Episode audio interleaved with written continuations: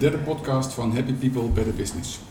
Vandaag praten we met Eline Verhek, directeur van Alembo. Eline, welkom. Dank je. We, zullen het vandaag hebben uh, over gelukkig werken, over de reis van de medewerker en over verschillen tussen Suriname en Nederland. Want Alembo is een bedrijf met zowel een vestiging in Nederland als in Suriname. Dat vraagt natuurlijk om een toelichting. Eline, wil jij daarom eerst even iets over Alembo en ook over jezelf vertellen? Dat is goed. Alembo bestaat nu 14 jaar. We zijn een uh, outsourcing bedrijf. Um, de operatie zit inderdaad in Suriname. Uh, accountmanagement uh, is gevestigd in Nederland. En wat we doen is allerlei verschillende bedrijfsprocessen, klantopdrachten uitvoeren voor bedrijven met name in Nederland. En dat kan zijn een boekhouding, een secretari secretarieel team, content voor websites schrijven we. Um, we digitaliseren ook gegevens, grotere opdrachten, kleinere opdrachten. Um, en we hebben een klantenserviceafdeling. We hebben, nu zijn we in Suriname met 169 medewerkers. En uh, we hebben een groeistrategie. Kun je zo over jezelf vertellen? Ja, oh ja ik, ja, ik woon sinds 2003 in Suriname. Ik heb een achtergrond uh, in HR. En de afgelopen twaalf jaar uh, al in managementfuncties. Ik ben nu, nu drie jaar directeur bij Alembo.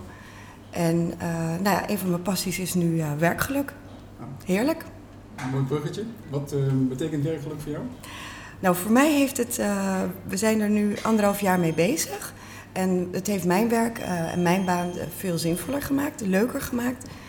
Um, ja, dat is een hele belangrijke toevoeging eigenlijk in mijn leven. Ja. En wat was de aanleiding voor jou om over werkgeluk na te denken en daarmee te gaan beginnen? Ik, uh, voor mij was het eigenlijk de. Uh, ik heb Gea Peper ontmoet in 2017, eind 2017. En het was voor mij een herkenning in, ja, in theorie en voorbeelden van dus, ja, eigenlijk mijn eigen visie, die ik al, al een paar manieren had ontwikkeld. En het heeft mij geholpen om tools te krijgen om het echt te gaan implementeren. Ja, op een gestructureerde manier. En te kunnen gaan meten. Um, ja. Want wat heb je toen gedaan bij uh, Alembo? Hoe ben je met werkgeluk aan de slag gegaan? Wij zijn eerst begonnen met de opleiding voor werkgelukdeskundigen met een groepje van vier. Uh, mensen van HR, management en operationeel management.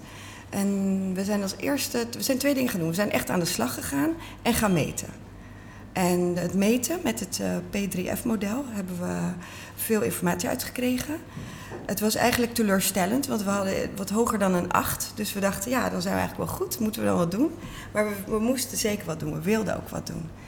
Um, eerlijk gezegd zijn we begonnen met de koffie. Klinkt heel simpel. Mensen zeggen altijd, Suriname is geen koffieland, maar bleek toch wel belangrijk te zijn. En dat is ook het eerste moment als je binnenkomt s ochtends. Is ook fijn als je dan lekkere koffie en thee kunt drinken. Uh, wij zijn toen aan de slag gegaan, uh, eigenlijk gewoon met experimenten. En het eerste was uh, security awareness, heel serieus onderwerp.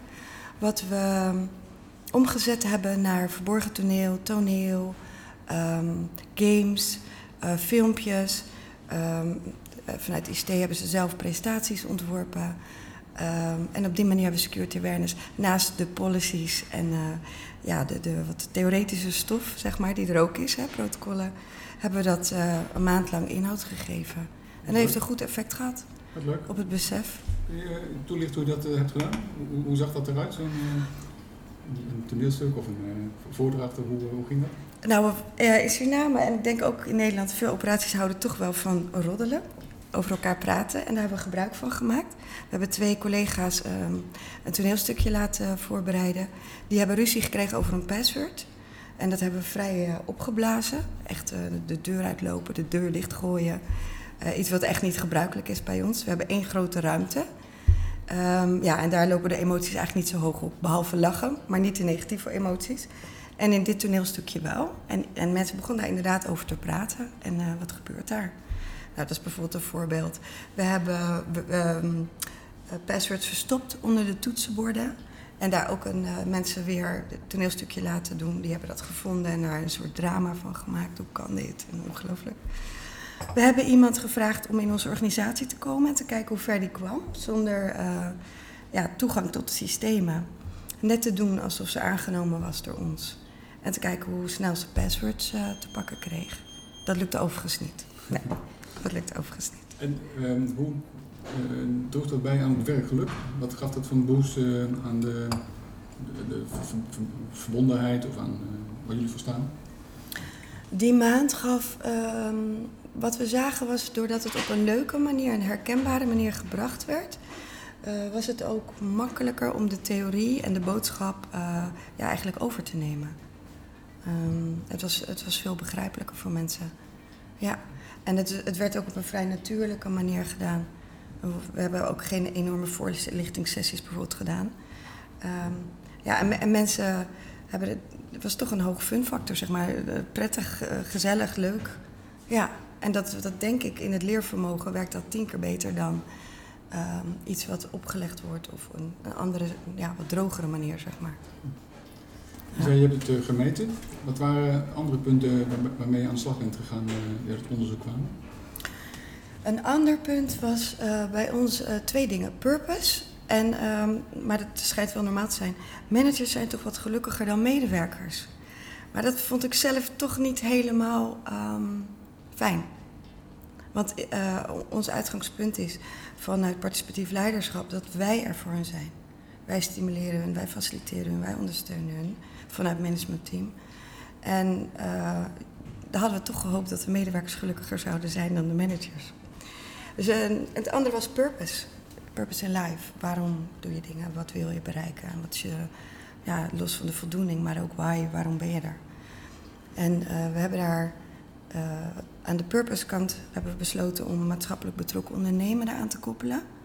En projecten te gaan doen die meer inhoud geven aan teams uh, om, om eventueel die why te kunnen vinden. Zodat ze andere rollen kunnen invullen. Ik zal zo kort toelichten hoe. Mm-hmm. En um, even kijken. Ja, en, en de doelstelling op zich, dat was organisatie verbonden zijn aan dat onderwerp. Dat was voor een aantal mensen ook belangrijk.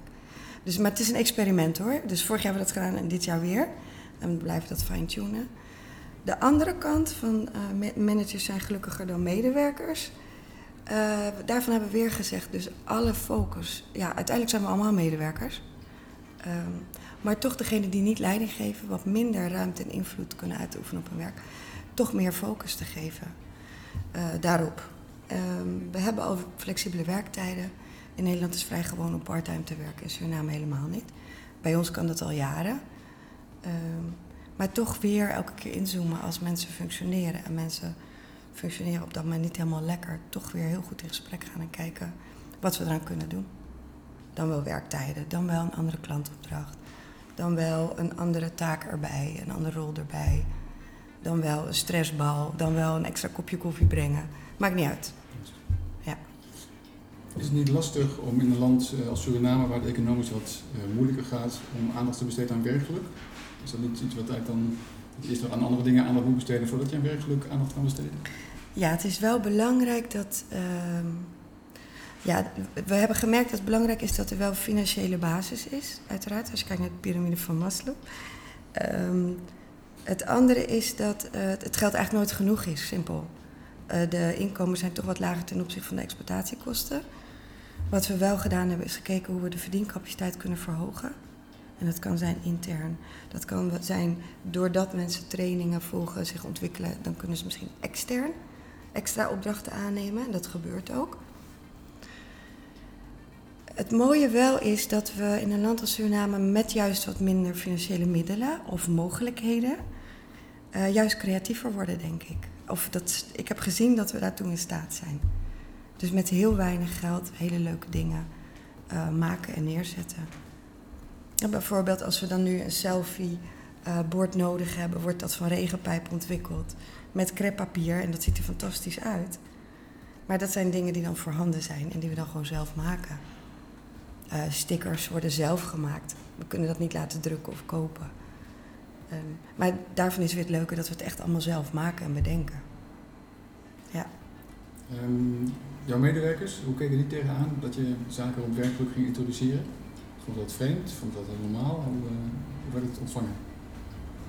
In het begin uh, hebben we het niet zo heel expliciet genoemd, behalve de meting. Daarna wel. We zijn ook echt trainingen en prestaties gaan geven. En het was in het begin nog niet iets van hun, het was iets wat hun overkwam. En, maar nu, doordat we alle, ook in performance scorecards, in beoordelingen, gaat het ook over je werkgeluk. Hoe gelukkig voel je je? Wat kunnen we anders doen? En, en nu is het wel een woord wat veel gebruikt wordt. En ook wel echt een gespreksonderwerp. En iets wat mensen heel leuk, heel leuk vinden eigenlijk. Ook zelf mee door aan de slag gaan. Grappig, dus het heeft ook tijd nodig om het te laten landen. Ja, dat is wel tijd nodig om te laten landen. Ja. Je gaf aan dat jullie allerlei uh, initiatieven ondernemen, allerlei activiteiten ontwikkelen. Uh, van wie uit komt dat? We hebben een werkgelukteam, dat hebben we vorig jaar ingezet, vrij breed. Met uh, collega's van facilitair, ICT, operatie HR. Dus eigenlijk uit alle disciplines. Uh, we hebben dat dit jaar iets verkleind, het groepje. We zijn met z'n vieren. En dan hebben we afhankelijk van het onderwerp andere mensen in de organisatie die dan weer uh, helpen. die, dat, die dat ook leuk vinden en dan die dan helpen. Wat we dit jaar hebben gedaan zijn thema's, themamaanden. Um, heb, themamaanden hebben we gedefinieerd. En in dat themamaand, in die themamaand worden er allerlei werkgelukactiviteiten uh, uitgevoerd. En ook gekoppeld aan serieuze onderwerpen. Bijvoorbeeld vorige maand was Safe and Secure. Dat ziet er heel leuk uit in de locatie. Dan wordt het helemaal blauw gemaakt met doeken, et cetera. Uh, de desktops krijgen ook een boodschap. We, we werken dan Safe and Secure uh, bijvoorbeeld wel aan een EHBO-training. De AVG-wet wordt weer eventjes herhaald.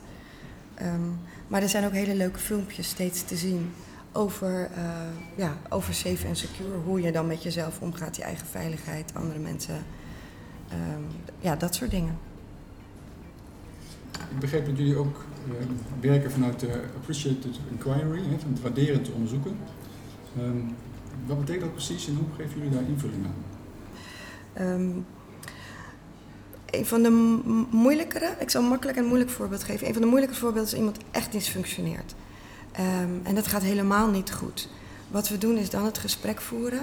Dat gaat eigenlijk niet meer over het dysfunctioneren, maar waar sta je in het leven en wat wil je en waar ben je goed in.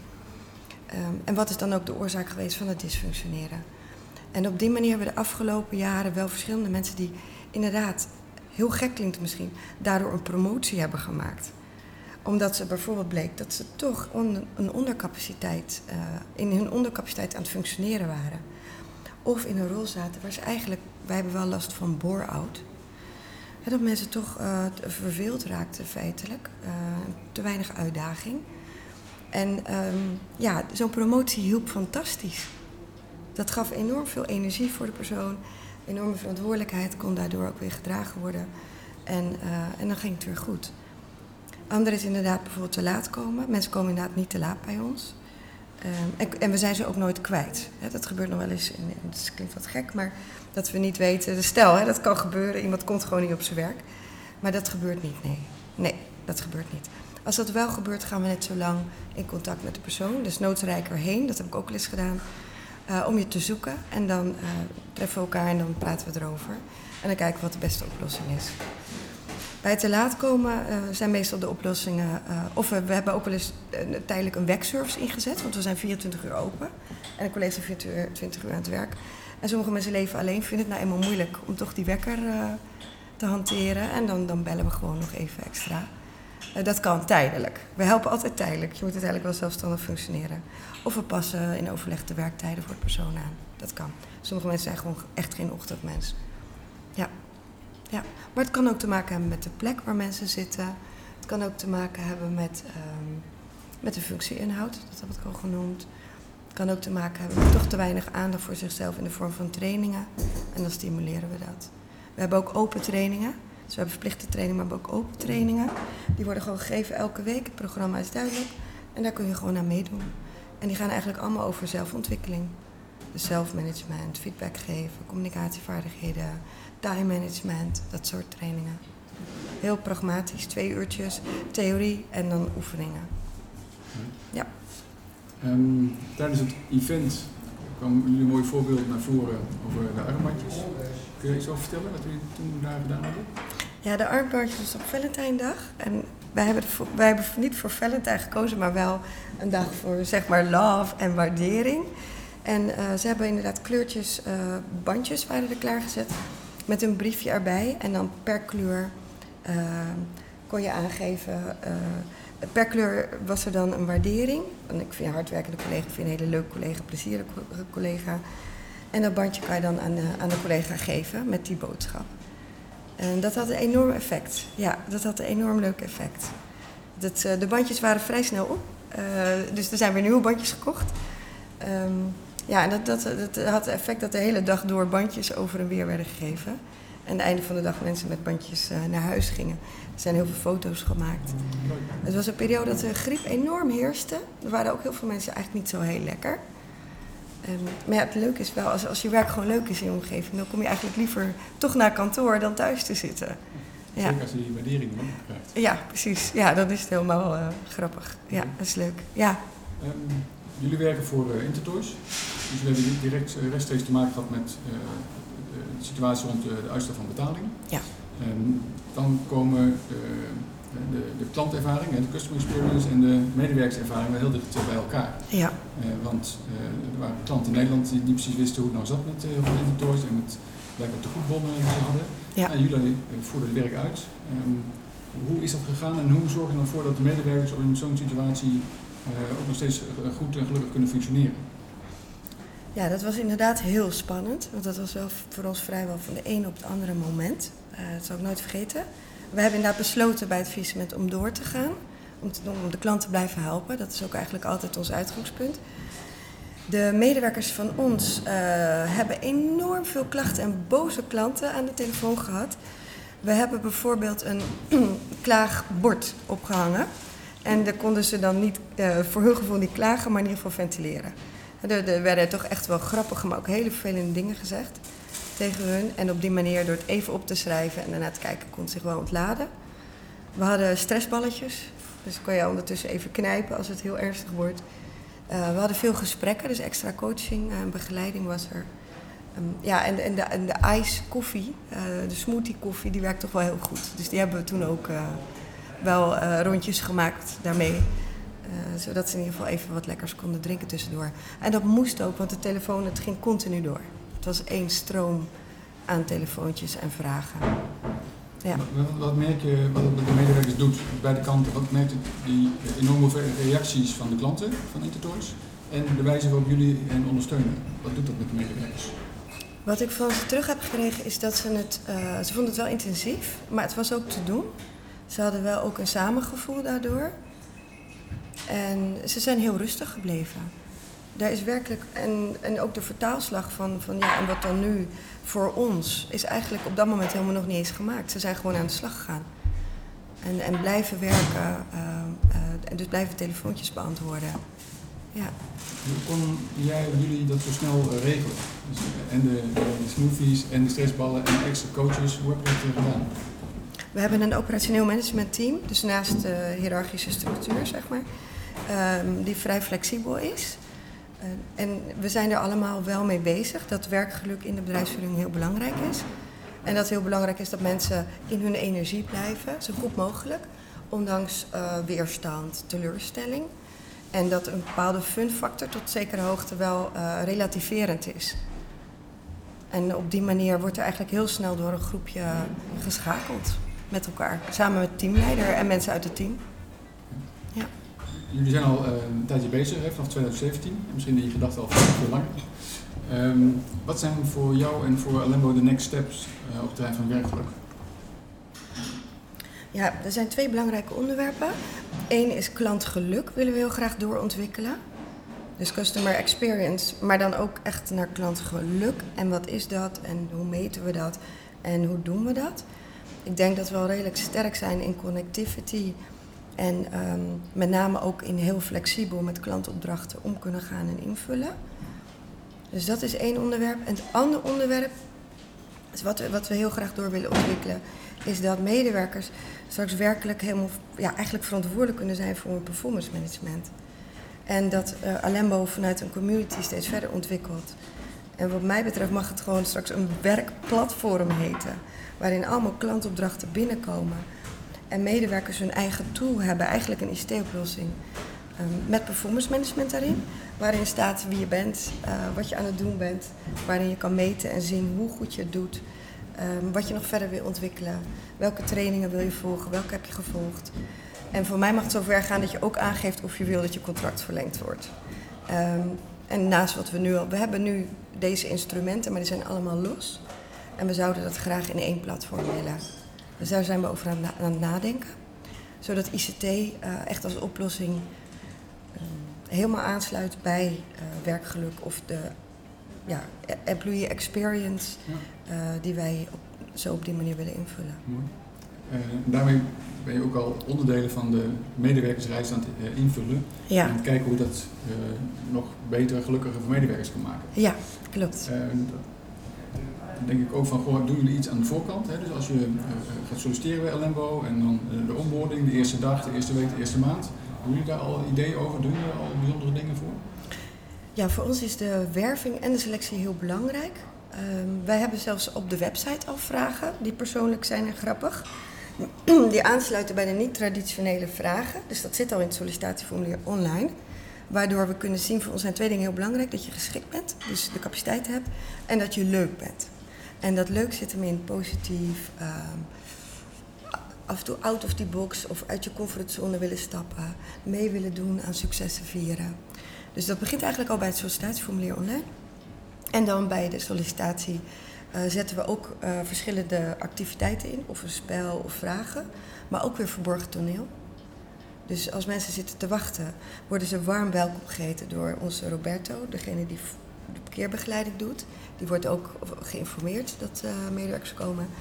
Maar er zijn andere collega's die dan de opdracht hebben gekregen of de vraag hebben gekregen om met die sollicitant te gaan praten. En die hebben dan een aantal vragen meegekregen. In ieder geval om antwoord op te geven. Ja. hoe kwam iemand over? Was iemand vriendelijk naar je, et cetera? En dat wordt ook meegenomen in de selectiebeoordeling. Ja.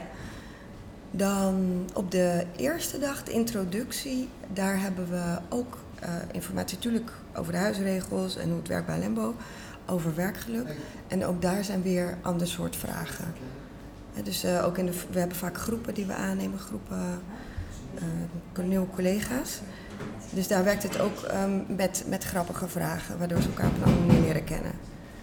Dus dat zijn bijvoorbeeld voorbeelden die we nu hebben gedaan en die heel goed werken. Ja.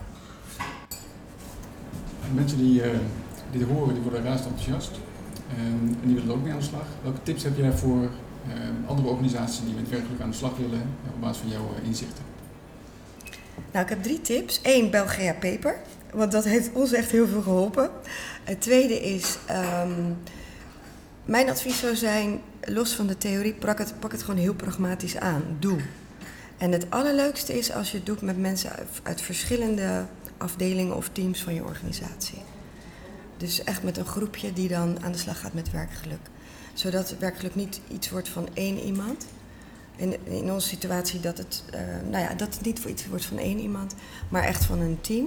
Waarbij denk ik wel directie of hoger management. Het is wel heel fijn om daar onderdeel van uit te maken. En aansluitend daarop zou ik zeggen, doe hele kleine budgetten en uh, challenge mensen echt om met heel weinig geld heel veel te bereiken. Want dat is ook een, een middel om, om een methode om creativiteit te ontwikkelen en, en los te krijgen. Geweldige tips. Uh, Inge, dank je wel voor het interview. Uh, ik wens je ontzettend veel succes en vooral veel plezier bij de volgende stappen bij het ontwikkelen van werkgeluk. Dank je wel, Lucas.